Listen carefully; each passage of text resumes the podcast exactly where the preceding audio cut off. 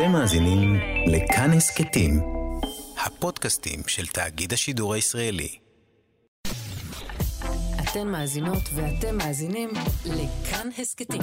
כאן הסכתים, הפודקאסטים של תאגיד השידור הישראלי.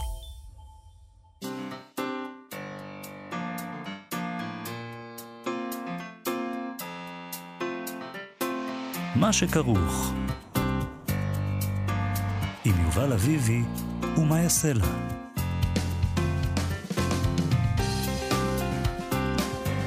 שלום, צהריים טובים, אנחנו מה שכרוך, מגזין הספרות היומי של כאן תרבות. אנחנו כאן בכל יום ב-12 בצהריים בשידור חי. אתם מאזינים לנו ב-104.9 או אולי ב-105.3 FM, אפשר למצוא אותנו גם בהסכתים בכל שעה שתרצו.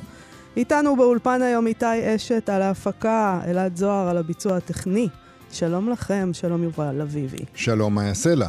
קריאה מרקסיסטית בספרות העברית. Mm. זה הנושא שעליו אנחנו נדבר היום, אחד מהנושאים שאנחנו נדבר עליהם היום. נושא סקסי. כן? מאוד.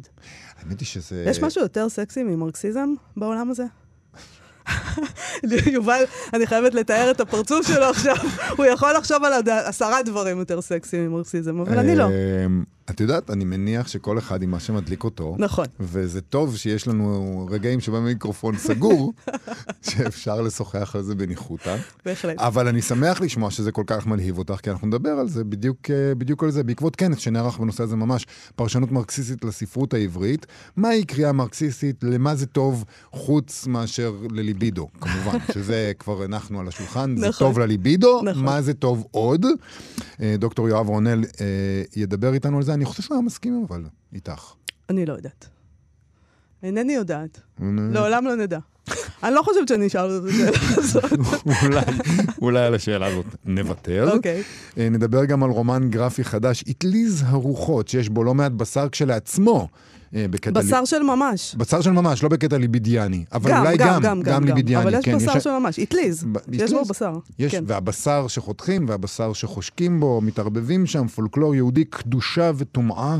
כתבו אותו אה, ביחד, ג'וליה פרמנטו צייזלר ודוד דובשני, אנחנו נדבר עם שניהם. עוד מעט. לפני כל הדברים האלה, אה, אם אתם רוצים אה, לזכות אי פעם בפרס נובל, תדעו לספרות. לכם... לספרות, כן, mm-hmm. לספרות. Uh, תדעו לכם שזה עתיד... Uh, be careful what you wish for, נ, נגיד. תיזהרו במה שאתם מבקשים. זה עלול להיות פחות טוב ממה שנדמה. אני, uh, אנחנו מתחילים עם זוכת פרס נובל לספרות לשנת 2022, אני ארנו, הצרפתייה.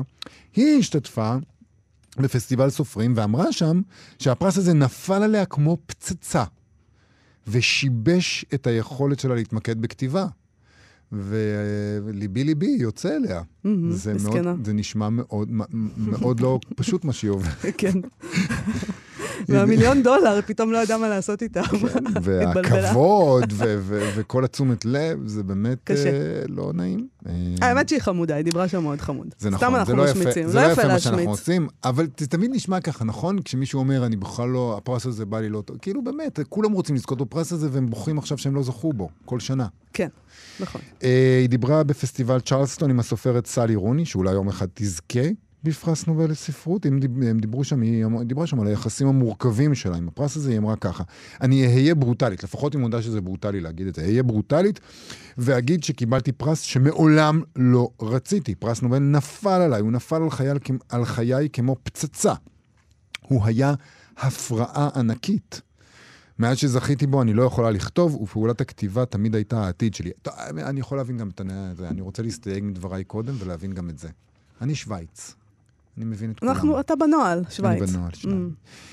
אז לא להיות מסוגלת להביט קדימה אל הכתיבה, זה דבר מאוד מכאיב עבורי, היא אמרה שם. כן, זאת הכרה נהדרת בעבודה שלי, אני כותבת כבר 40 שנה, אבל מה שנוגע לליבי, היא אומרת, זה לא הפרס עצמו, אלא השיחות שלי עם אנשים, כשהם אומרים לי שהם רואים את עצמם כשהם קוראים את הספרים שלי.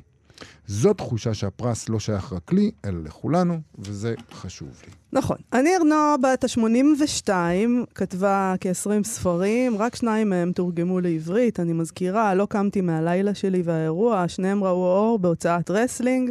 היא סיפרה שם בפסטיבל שכשהיא התחילה לכתוב בגיל 20 לא היה לה ביטחון, היא לא חשבה שהיא סופרת טובה, הייתה מלאת ספקות ושאלות. שמחה בשבילה, כי כשמתחילים בגיל 20 זה טוב ככה. סלי רוני שאלה אותה האם הכתיבה הייתה אקט של אהבה לאנשים. אני חייבת להגיד משהו. כשראיתי מה שסלי רוני שאלה אותה שם, עוד כן. מעט יהיו עוד כמה כאלה, אמרתי לעצמי, למה? למה, מה זה השאלות המטופשות האלה? באמת, זה נורא. אוקיי, אז סלי רוני שאלה אותה האם אני הכתיבה... רוצה רק להגיד לך ששאלות מטופשות זה יותר טוב מספרים מטופשים, וזהו זה. אבל אנחנו תמיד חושבים לעצמנו, בוא לא נשאל שאלות מטופשות. וזאת יושבת לה שם, סלי רוני, ומרשה לעצמה לשאול שאלות מטופשות. אבל האם השאלות שלנו האם תמיד הי- לא מטופשות? יובל, האם אי פעם שאלת סופר, כשראיינת אותו, את השאלה הזאת? האם הכתיבה היא אקט של אהבה לאנשים? הרי לא היינו מעיזים, זה, זה, טוב, לא היה עולה בדעתנו, זה לא עניין של תעוזה, זה פשוט, איזה מין שאלה זאת. טוב, אבל ארנו השיבה שפעולת הכתיבה מטבעה היא מורכבת. אני אוהבת את התשובה שלה. נכון. אפשר להשתמש בכתיבה כדי לסרס ולהרוג, אבל זה גם תחליף לגאולה. לספרות תמיד יש פוטנציאל למוסריות. פוטנציאל. אבל אולי.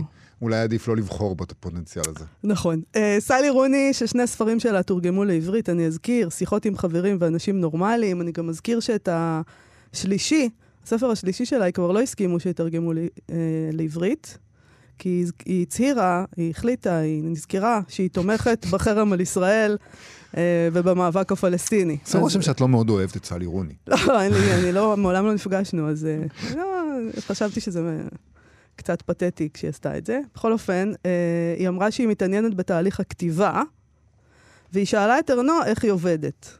שאלה ששאלתי הרבה פעמים. איך היא עובדת? אוקיי. שאלתי, יצא לי לשאול טוב, ככה. בסדר סליחה. גמור. אני איפשהו באמצע בעניין הזה. אוקיי. אה, אז אה, אני ארנו אמרה שבעוד אה, שהיא הייתה מעדיפה למות מאשר לא לגמור משהו שהיא כותבת, היא לעיתים קרובות עובדת על כמה טקסטים במקביל, ואז אחד מהם צועק יותר חזק מאחרים, צועק אליה. היא סיפרה שבשנת 1999 היא עבדה על השנים ועל האירוע, שני ספרים נפרדים, ואז היא אמרה, הקשבתי לרדיו ורקוויאם שאני אוהבת שודר. הוא הזכיר לי את ההפלה שעברתי, כמו שאני מתארת בספר האירוע. אז כתבתי את האירוע. זה לקח שישה עד שמונה חודשים. בשלב הזה כבר לא יכולתי לכתוב שום דבר אחר. היא מדברת יפה, אין מה להגיד. כן. אני ארנו, ואני חושב שבכל זאת זה נחמד שזכית, אה, אם את מאזינה, אה, עיני. אה, זה נחמד שזכית. בפרס נובל. אני חושב שזה כן, יפה. כן, זה נחמד. ויכול להיות שזה אה, כרגע איזה משהו מאוד מאוד, באמת מאוד מסרס ומאוד מלחיץ לזכות בדבר הזה בשביל מישהו שלא ציפה לזכות או לא רצה אפילו לזכות, אבל אני חושב שזה יעבור, זה משהו, זה משהו משתק אני לא שיעבור. יודעת, מה זאת אומרת זה יעבור? היא בת 82. בסדר. עד 120. אה, ברור, יכול להיות שיקרה משהו, לכל אחד מאיתנו יכול מחר אני אה, אגיד לך. מה הבעיה, שיש בה משהו אה, בסופרת הזאת, שאני מאוד מחבבת, שהוא מהשוליים. זאת אומרת. האופן שבו היא כותבת, זה נכון. לא הרומן הקלאסי וכל הדבר נכון. הזה. אז פתאום, כששמים לך את החותמת הזאת של המכובדות, יש בזה משהו נוראי. כלומר, אתה פתאום הפכת להיות אדם מכובד, כן, ככה מנצחים את... שמתכבדים בו כל הזמן, ככה וזה נורא. מנצחים את האנרכיסטים. בדיוק. מכניסים אותם פנימה. שמים אותם באיזה מקום כזה מאוד מאוד מכובד. נותנים להם תקציב, ואומרים ובכל להם... פסטיבל שהיא מגיעה, שעד עכשיו אף אחד אולי לא שם אליה לב, פתאום היא האירוע המרכזי. כן, והיא- צריכה לחשוב על מה היא לובשת פתאום, וזה... כן, איי, איי, איי, אבל איי, מצד. שני היא צרפתייה, הם יודעים להתגבר על דברים כאלה. וצד שלישי מיליון דולר. כן. גם זה... זה. נחמד. תשמעי, היא גם הייתה נדיבה מאוד כלפי אה, סלי רוני, היא אמרה שהיא מודה לה, מודה לסלי רוני, mm-hmm. כי היא למדה הרבה מקריאת ספריה. אמ, היא אמרה, הם, הספרים של סלי רוני אפשרו לי להבין דור שאני יותר ויותר מרוחקת ממנו, ואכן סלי רוני אפשר לומר עליה שהיא קול של דור כלשהו, כן. לא שלי. לא, זה גם לא שלי. דור שאני... למה? דווקא שלך אולי קצת, לא? או יותר צעירים ממך. זה, לא. אני לא יודע, דור לפעמים זה לא קשור רק לגיל, אולי אה. זה קשור גם למהות, כן. אבל זה דור שאני הרגשתי שאני פחות ופחות מבין אותו בעקבות הספרים של אה, סלי רוני. אז אולי זה אני, ואולי זה אני ספרים, הבנתי, ואולי זה הדור. אני הבנתי את הדור הזה. הבנ- אולי הם לא כן. כאלה מתוחכמים. לא, הם, אה, למה, למה אתה סתם מטנף? אנחנו גם כל לא אחד, או שהוא מתוחכמים. מתוחכם, או ש... כאילו, יש אנשים מתוחכמים בכל דור, ויש זה כאלה. שלא. יש תיאוריה שאומרת שאין דבר כזה דורות, שזו המצאה אה, סוציולוגית.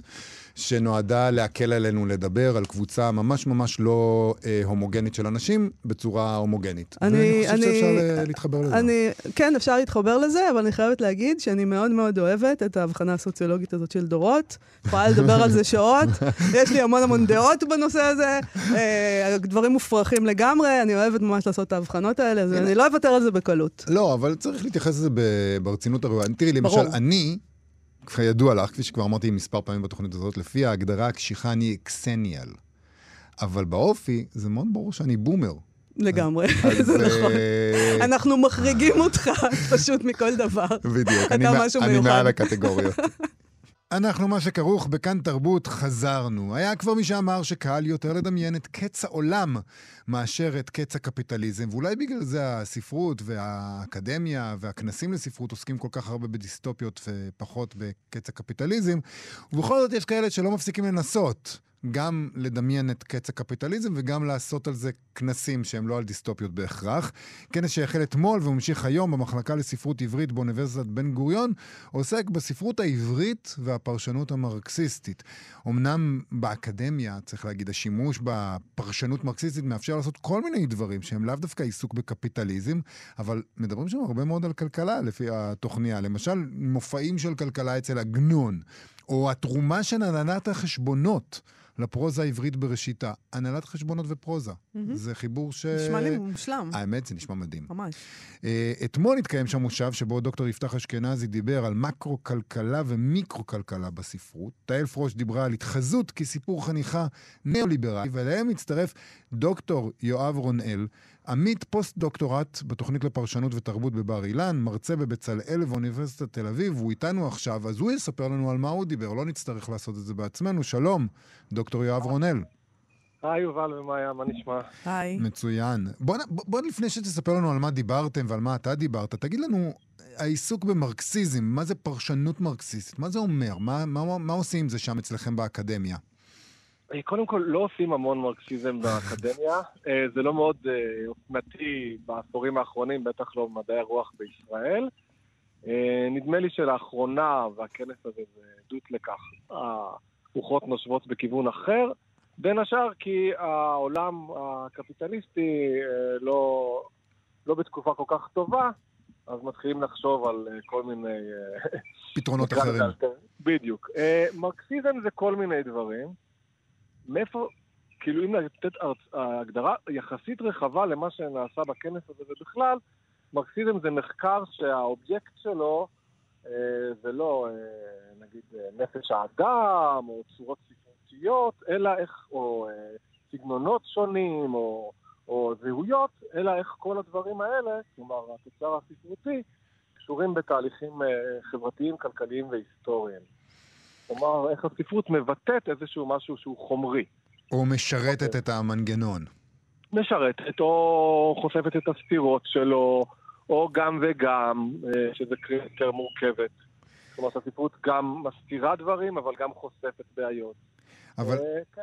אבל בכנס הזה, נ- כך נראה לפחות מהתוכניה, עוסקים הרבה באמת בדבר הטהור שכשאנחנו חושבים עליו, כשאנחנו אומרים מרקסיזם, וזה מעמד וכסף. יחסי כוח. יחסי כוח, אה, אדונים ומשרתים, אה, למי אין ולמי יש דירה. אה, נדמה לי שקודם כל, מן הסתם, פרשנות מרקסיסטית אה, מחויבת, נקרא לזה ככה, צריכה לשים משקל על העניין ההיסטורי והכלכלי, כלומר להתייחס אליו בכבוד הראוי לו.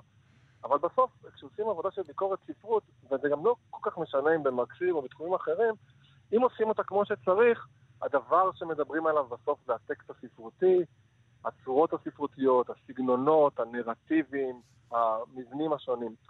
ובכנס הזה זה דבר שנעשה, כלומר, לא מנסים להגיד, היי, זה מבטא את הניצול הקפיטליסטי, אלא להראות איך הספרות מדברת על העולם, ואיך הוא מאוד דומיננטי אה, באידאה.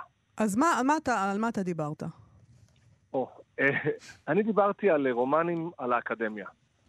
אה, רומנים שלועגים לאקדמיה. אה, הרומן הראשון זה הרומן של מאיה ארד, שבע מידות רעות, שנכתב לפני 17 שנה, ולועג לאקדמיה האמריקאית. והרומן השני זה שפילפוגל, שפילפוגל של מתן חרמוני, שפורסם לפני ארבע שנים, ולועג לחוגים לספרות באקדמיה הישראלית. והוא ש- עושה את זה בשנינה רבה. בשנינה רבה, כן.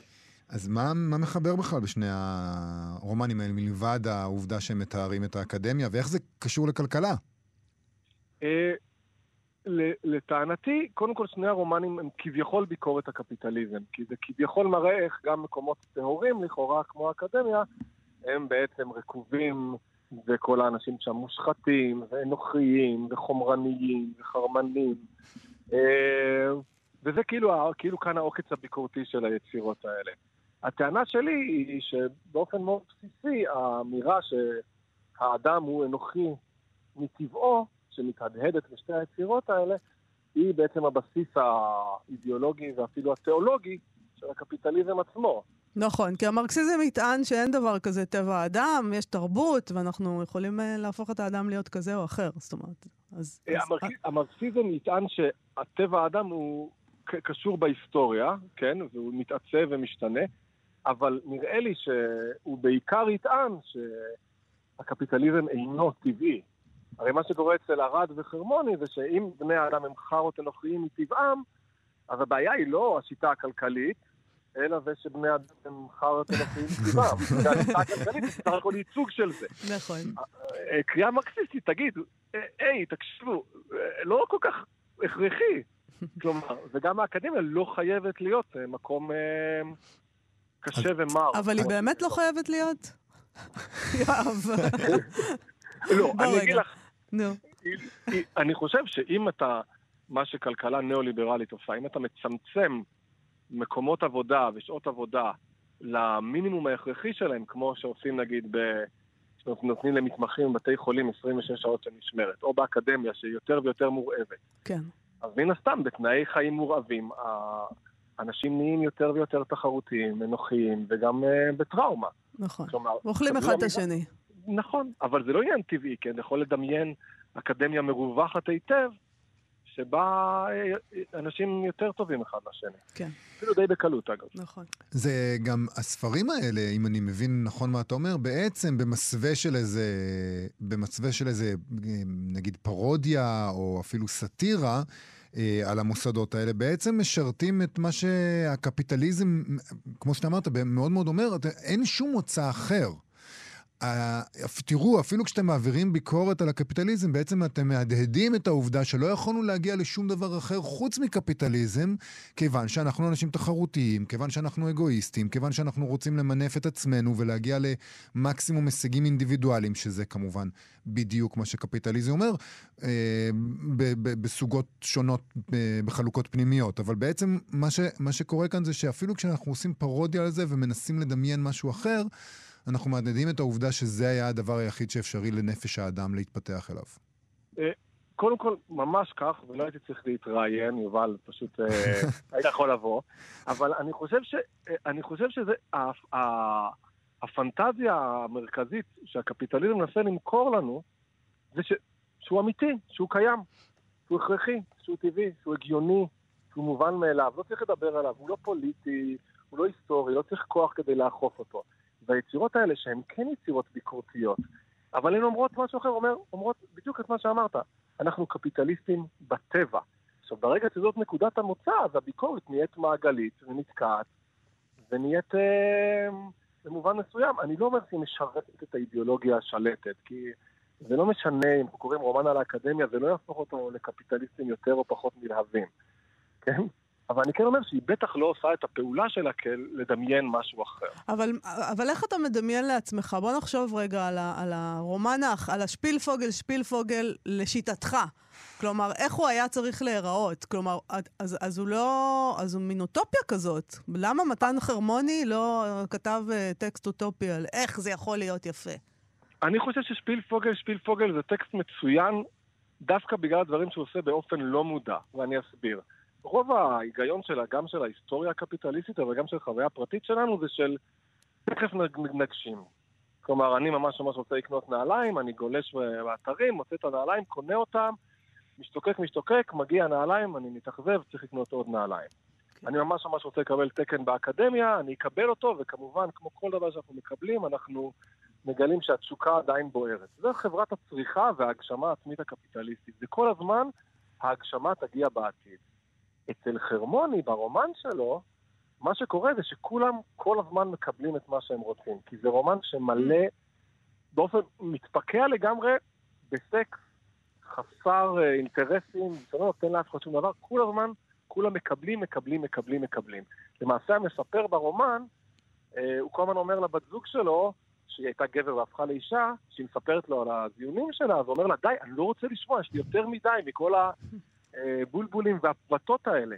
והיא מספרת לו. זה רומן שבו אתה כל הזמן מקבל ומקבל. ונדמה לי שאחד הדברים שיכולים לקרות זה שכשאתה, כאילו, כשאתה קורא את הרומן, אז אתה מדמיין איך, איך זה לחיות כשבעצם קיבלת את כל מה שאתה רוצה. וזה לא נעים. כלומר, הרומן הזה בעצם מפיק באיזשהו אופן את הקסם הקפיטליסטי שאומר, עוד רגע תהיה, תהיה, עוד, תהיה, תהיה מוגשם, תהיה כן. שבע. והוא אומר, כשנקבל את מה שנרצה, אוי ואבוי, זה הרגע שבו אנחנו נתפכח ונגיד, היי, אנחנו לא רוצים. כן. אנחנו לא רוצים. Be כן. careful what you wish for. כן, בדיוק. וההגשמה שם היא דווקא מה שמסוכן.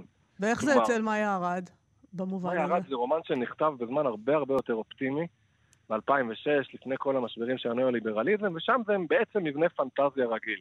בהתחלה לכולם אין שום דבר, כולם חסרים, משתוקקים. האחד מקנא, והשנייה שונאת, והוא חרמן ובודד וכפוי טובה וקמצן. כולם יצורים של חוסר מאוד עמוק, ואז בסוף מופיעה איזה מין תינוקת כזאת שמסמלת את העתיד ומאפשרת לנו להגיד, אוקיי, בעתיד יבוא משהו יותר טוב. ואז אתה כזה, או, אוקיי, אנחנו כאילו ראינו את העולם, אבל נרגענו, אנחנו ממשיכים לקוות לעתיד. שזה בעצם הקפיטליזם. בואו נקווה לעתיד, וזה ישתפר. כן. אתה אומר שאפילו אפילו בתוך שני, שני הרומנים האלה שמייצגים בעצם במובן מסוים את אותה מגמה, את, אותה, את, אותה, את אותו מעשה, עדיין הפער השנים שחלפו מהפרסום של האחד לשני, אה, אפילו את התקווה הקטנה הזאת, את התינוקת העתידית, גזלו מאיתנו. אני חושב, ש, אני חושב שכשאנחנו אה, מסתכלים על מה שקרה בעולם ב-17 שנה האחרונות, אנחנו מגלים שהרבה מהאמונה שלנו במערכת הזאת, הוא התפוגג. זה קשור כמובן לשינויים פוליטיים ולמשבר האקלים ולדברים כאלה. ואני חושב שאצל חרמוני, הדבר הזה הוא מתבטא לא באיזשהו אופן מפורש, זה לא מניפסט פוליטי, אלא בדיוק בזה שאין כל כך למה לקוות, כי לכולם יש הכל כל הזמן, ויש להם פשוט הרבה יותר מדי. אז כן, אני חושב שזה גם כאילו, ה... אני לא רוצה לדבר על עצמי, אבל כאילו המטרה של ניתוח מרקסיסטי של ספרות זה להראות איך בדיוק הביטויים הצורניים בטקסט מבטאים איזה משהו שקרה בעולם. משהו שגם יובן למי שאנחנו מדברים אליו. כלומר, נראה לי שאת התחושה שמשהו לא עובד זה לא רק פרשנים מרקסיסטים חולקים. נכון, אה, אז אני יודעת שזה לא בדיוק התחום שלך כרגע, אבל אני חייבת לשאול אותך, דוקטור יואב רונל, מה יהיה? מה יהיה? כן. אה, בוא רגע, אני, אני תמיד מדברים, חוקרי ספרות וזה, זה, מה אבל ת- ת- ב- תושיעו, מה בעולם? יהיה? כן, מה צריך לעשות, מה עושים? אה, יש כאילו, את יודעת, אה, אה, אני אתן את התשובה המטומטמת ואז את התשובה המתוחכמת. אוקיי. היא יותר מטומטמת. אה, התשובה המטומטמת זה או שנעבור לאיזה מין ניאו-פיודליזם קיצוני, שזה מין הקצנה של מה שקורה עד עכשיו. או שנחזור למה שהיה לפני שנות ה-80, של השקעה של מדינה, של ניאו-מרקנטליזם, של קפיטליזם רך יותר, של מדינת רווחה, דברים שהם, שהם טובים, שהם מיטיבים. אה, אבל, אבל בגדול מה ש... מה שאנחנו צריכים להראות שקורה בספרות זה לא שהיא אומרת לנו מה הולך לקרות, אלא כן. שהיא מראה איך מה שקרה הגיע לקצה שלו, ומשהו חדש עומד בפתח. כלומר, היא מראה את הדברים כשהם מגיעים ל- לנקודת הגבול שלהם, שהם מותחים עד שאי אפשר לשאת אותם יותר.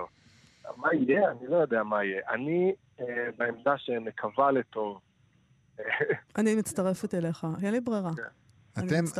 את, מבינה, הרגע הוא אמר, משהו אחד נגמר, אנחנו עוד לא יודעים מה יגיע, ואתם אומרים, אה, מה שיגיע יהיה יותר טוב, לא, שזה אנחנו לא אמרנו מנוגד שזה יהיה יותר טוב, אנחנו אמרנו שאנחנו מקווים לטוב. זה. יש, יש בהגות המרקסיסטית איזה מין אה, משפט שאני מאוד אוהב, שלדעתי מתאר את הזמן שלנו, וגם את הרומן של מתן חרמוני, שמלא ביצורים אנוכיים ומלאי זימה. כן. המשפט הזה שמצוטט היטב זה הישן מת, אבל החדש עוד לא יכול להיוולד, ועכשיו אה, זוהי העת של המפלצות. אה, האם זה אופטימי או פסימי? אני לא יודע. תלוי אם אתה מפלצת או לא. אה, תשמע, נכון. בשביל המפלצות זו חגיגה גדולה. עכשיו, כן? דוקטור יואב רונאל, אה, תודה רבה לך על השיחה הזאת, על הכנס הזה ב... אה, שעוסק בספרות עברית ופרשנות מרקסיסטית, והוא כולו תקווה ו... ו... והגשמה שם, זה לא נראה לי. בטוח, לא בטוח. תודה רבה, יואב. תודה רבה. תודה. רבה. מה שכרוך בכאן תרבות, חזרנו. לא בכל יום, אה, יובל, מתפרסמים כאן בישראל רו- רומנים גרפיים לא הז'אנר הכי נפוץ, וגם יקר להוציא את זה, יקר להדפיס, ונראה לי, אולי לא הרבה אנשים מתעסקים בזה, והנה כעת רואה אור, הספר, הרומן הגרפי, אטליז הרוחות, בהוצאת טנג'יר.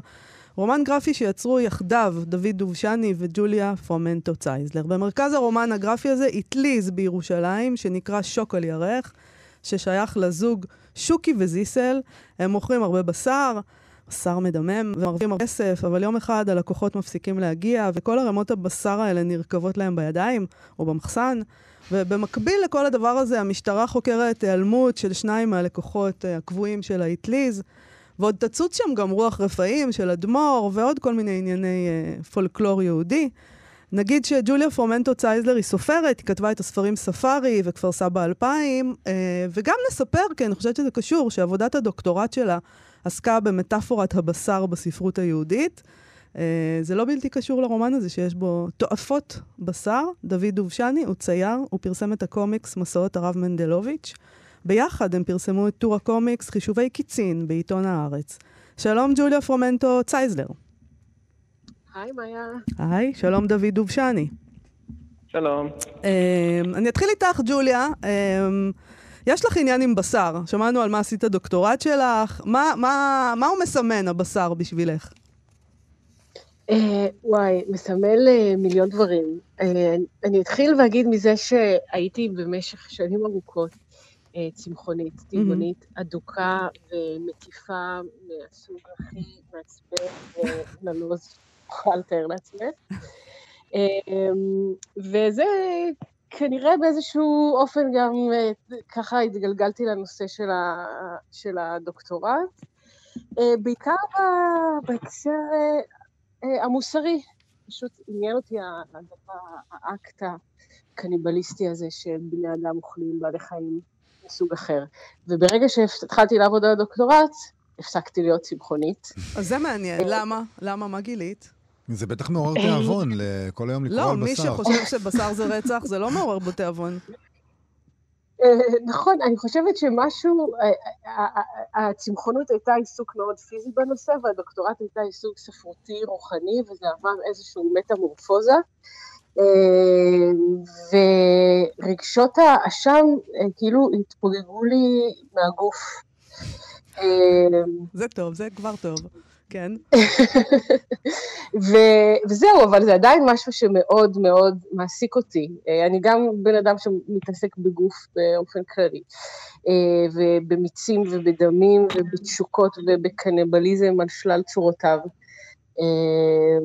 ויש משהו מוחשי בזה, וגם אני אגיד משהו מאוד לא פוליטיקלי קורקט, אני מקווה שלא יתחרט על זה בהמשך היום. אמ, אמ, אני חושבת שכל מה ש... טוב, אני כבר מתחרטת על זה, לא נורא. זה היה לי צדקני מדי להיות הצמחונית טבעונית שהייתי, זה השתלט על התודעה שלי. אה, כן, האמת היא שאחרי, אני יכולה להגיד שאני קראתי נגיד את הספר שלך, אה, הראשון, ספארי, אז לא הייתי מדמיינת שהגברת שכתבה את ספארי דווקא תהיה טבעונית. חייבת להגיד. נכון? זה קצת מוזר. אה, כן, לא, זאת הבחנה מאוד מדויקת. נכון, אולי, כן, בסדר, אני בן אדם רע ומלא תשוקות. לא, את אדם אה, מלא סתירות פשוט, לא, אדם בן אדם מורכב. בן כן. אדם. דוד, תגיד, איך מתרגמים את כל הליבידו הזה, והרצח הזה, והמותר והאסור שמתערבבים להם יחדיו לציור, לחזותי? זה סוג של הרמה להנחתה בשביל ציירים, כי זה נושאים שהם מאוד מאוד אקספרסיביים, שהם מלאי תשוקה. אה, נושאים שיש בהם חיים ומוות ולמין אה, ליבידו מאוד מאוד גדול. ואני כצייר דווקא מאוד אה, נמשך למקומות האלה. זה הדברים שהכי כיף לצייר אותם, שהכי רוצים לצייר אותם, ואיכשהו בעולמות של האומנות העכשווית, אתם הולכים למוזיאונים, אז רואים הרבה דברים כאלה של תיאורים של סצנות מאוד, מאוד פאתוס, זה מאוד סיפור. אה, ואפילו הבשר, זה מחיים סוטין ועד רמברנט, זה היה נושא שציירים תמיד אה, התענגו עליו. אה, והקומיקס זה דרך להתקשר לכל הדברים האלה ולצייר אותם. זה ממש איזה חיבור כזה שמבחינתי זה ממש היה רמה להנחתה, כל הנושא הזה באופן ויזואלי. אז אני רוצה לשאול אתכם, אה, איך נולד אה, אטליז הרוחות? אני אגיד שאתם זוג, מותר להגיד את זה, נכון? אז, אה, אז, אז איך, מה, היה קודם הסיפור, או היה קצת סיפור, ואז הוא צייר, ואז את כתבת? איך זה, איך זה היה הדיאלוג הזה?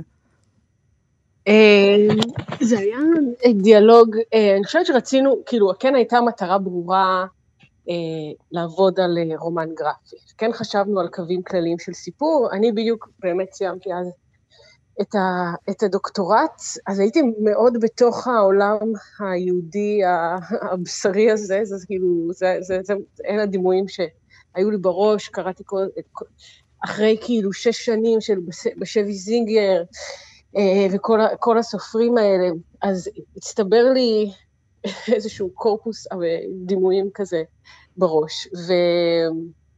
ומתוך אה, הזוגיות, וזה שדוד אה, הוא צייר ואני כותבת, אז אמרנו, יאללה, בואו נעשה את זה, זו הייתה איזו פנטזיה כזאת. ו, וזה די, זה התגלגל באופן, באופן די אורגני, בשעות לילה מאוחרות, אה, במיטה, במטבח, זה כאילו היה מאוד, הכתיבה של זה הייתה מאוד, באווירה מאוד ביתית. וזה נבע בעיקר משיחות, ואני חושבת שזה,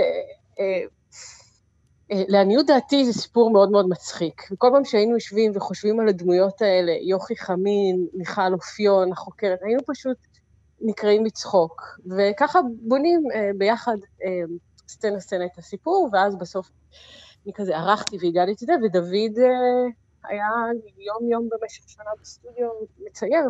אז דוד, אה, אה, זה באמת מצחיק, הטקסט הרבה פעמים מצחיק ומשולח רסן, אבל, ה... אבל לא הייתי מגדיר את הציור כמצחיק, הייתי אומר שהוא, שהציור הוא יותר גרוטסקי לפעמים, לא בדיוק מצחיק. אתה מסכים עם זה? אה, אני חושב שהוא על קו תפר, זאת אומרת, יש פה, יש פריימים שהם בעיניי מצחיקים, ויש כאלה שקצת פחות אולי. אה, זה איזשהו אה, קו גבול כזה שצריך למצוא אותו. אתה לא רוצה שהקומיקס יהיה רק מצחיק, אתה כן רוצה שיהיה גם איזשהו ממד של עומק, והציורים כן גם רוצים להעביר את זה. למרות שהומור זה משהו שמאוד מאוד חשוב, והוא מאוד מאוד מרכזי בעלילה. אה, אז יש פה איזשהו משהו, זאת אומרת, אני כשעבדתי על זה, כשהגענו את הקומיקס, וגם המקום שלי שאני מתחבר בו לקומיקס, זה מקום שהציור הוא, הוא בעל משמעות, שהוא לא רק מאייר את הטקסט, אלא שהוא גם עומד בפני עצמו, ושיש לו איזשהו ערך, אה, משהו מאוד מאוד דומיננטי. אה, אז כן, יש מקומות שזה יותר גרוטסקי. אני חושב שזה בעיקר מאוד משוחרר ומאוד לא מהוקצע. זאת אומרת, יכול להיות שלעין אה, לא מורגלת זה ייראה מאוד מאוד אומנותי. אה, אבל כן, גם גרוטסקי וגם הומור זה שתי מילים שאני הייתי לוקח בשמחה למקום הזה, שבכלל... אתם... לכל העשייה שלי. אתם יודעים, אה, דיברנו השבוע על כנס של ספרות פופולרית, ונאמר שם, דיברנו שם במקרה על סוגה מאוד ספציפית של בלשים, בלשים רבנים.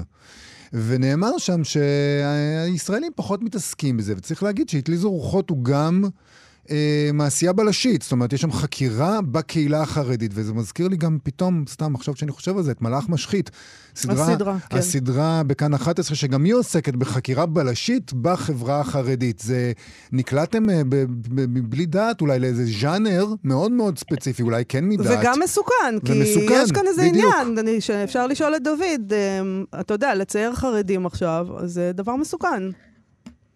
אני חושב שזה דווקא ההפך זה מסוכן. אני חושב שלהימנע מייצוגים זה מה שמסכן אותנו, ולבוא ולתת מקום גם לדברים האלה, מעבר למימד ההיסטורי ולרפרנסים התרבותיים, גם בטקסט וגם בציורים, זה הכל בא מעולמות יהודיים, וזה דברים שאנחנו שוחים בהם שנינו. אה, לספר את זה גם להגיד שיש סיפור במקום הזה, וזה גם להפוך את הדבר הזה למקום שהוא אה, אה, אנושי ושהוא חלק מהחברה, וזה ליצור את הגשר הזה. הבלש הוא בעצם איזשהו מין מבנה כולל של העלילה שמאגד את כל הדברים ביחד, אבל זה לאו דווקא סיפור שהוא בלשי פרופר, נכון. יש פה, כן, יש פה עוד מימדים. אמ, ואני חושב שזה סיכון ששווה לקחת אותו, זאת אומרת, אנחנו לא באים פה מנקודת מבט של אה, לעג או של אה, סטריאוטיפיות או משהו מהסוג הזה, זה לבוא ולספר את הסיפור הזה.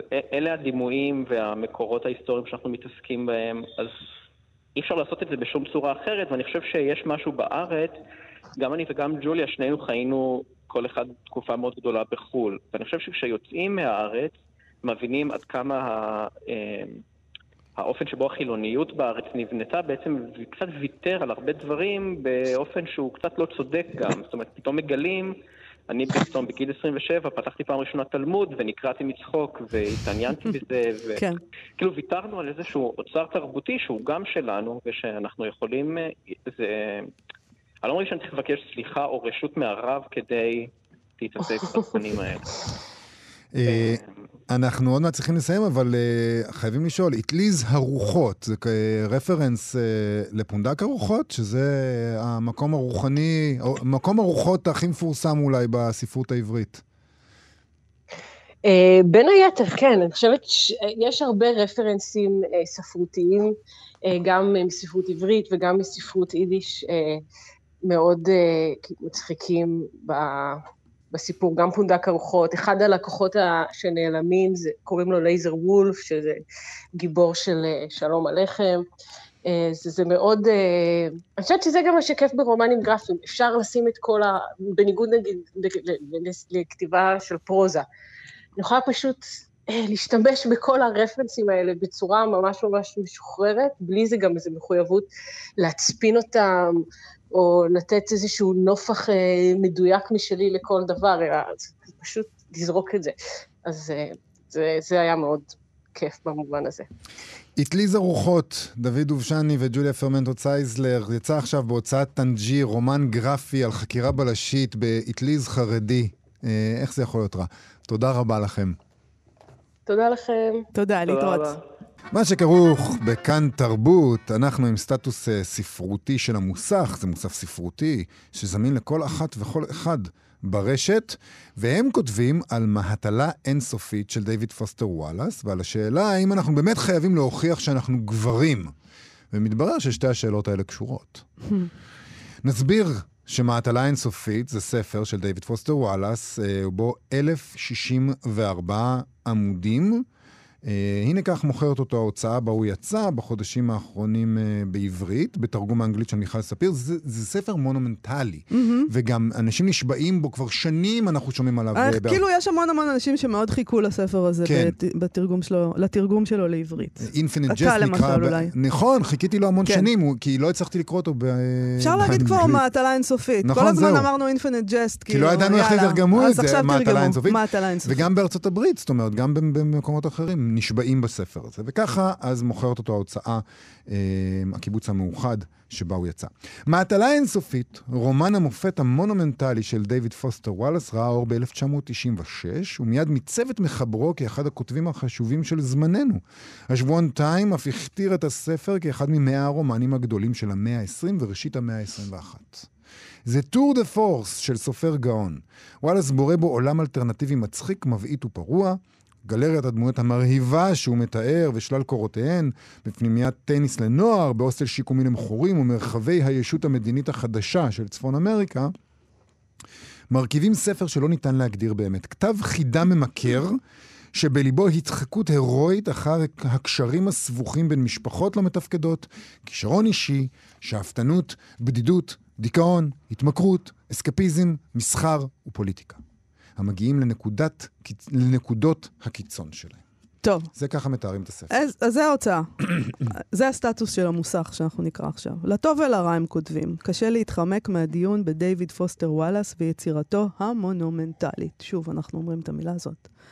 הם ממשיכים. כפי שיוסי מנדלוביץ' היטיב לכתוב ברשימתו במוסך, נדמה שהופעת התרגום העברי של מהטלה אינסופית עוררה סערה קטנה באקווריום הביקורת והרשתות החברתיות שעומד בפינת הסלון הספרותי המקומי.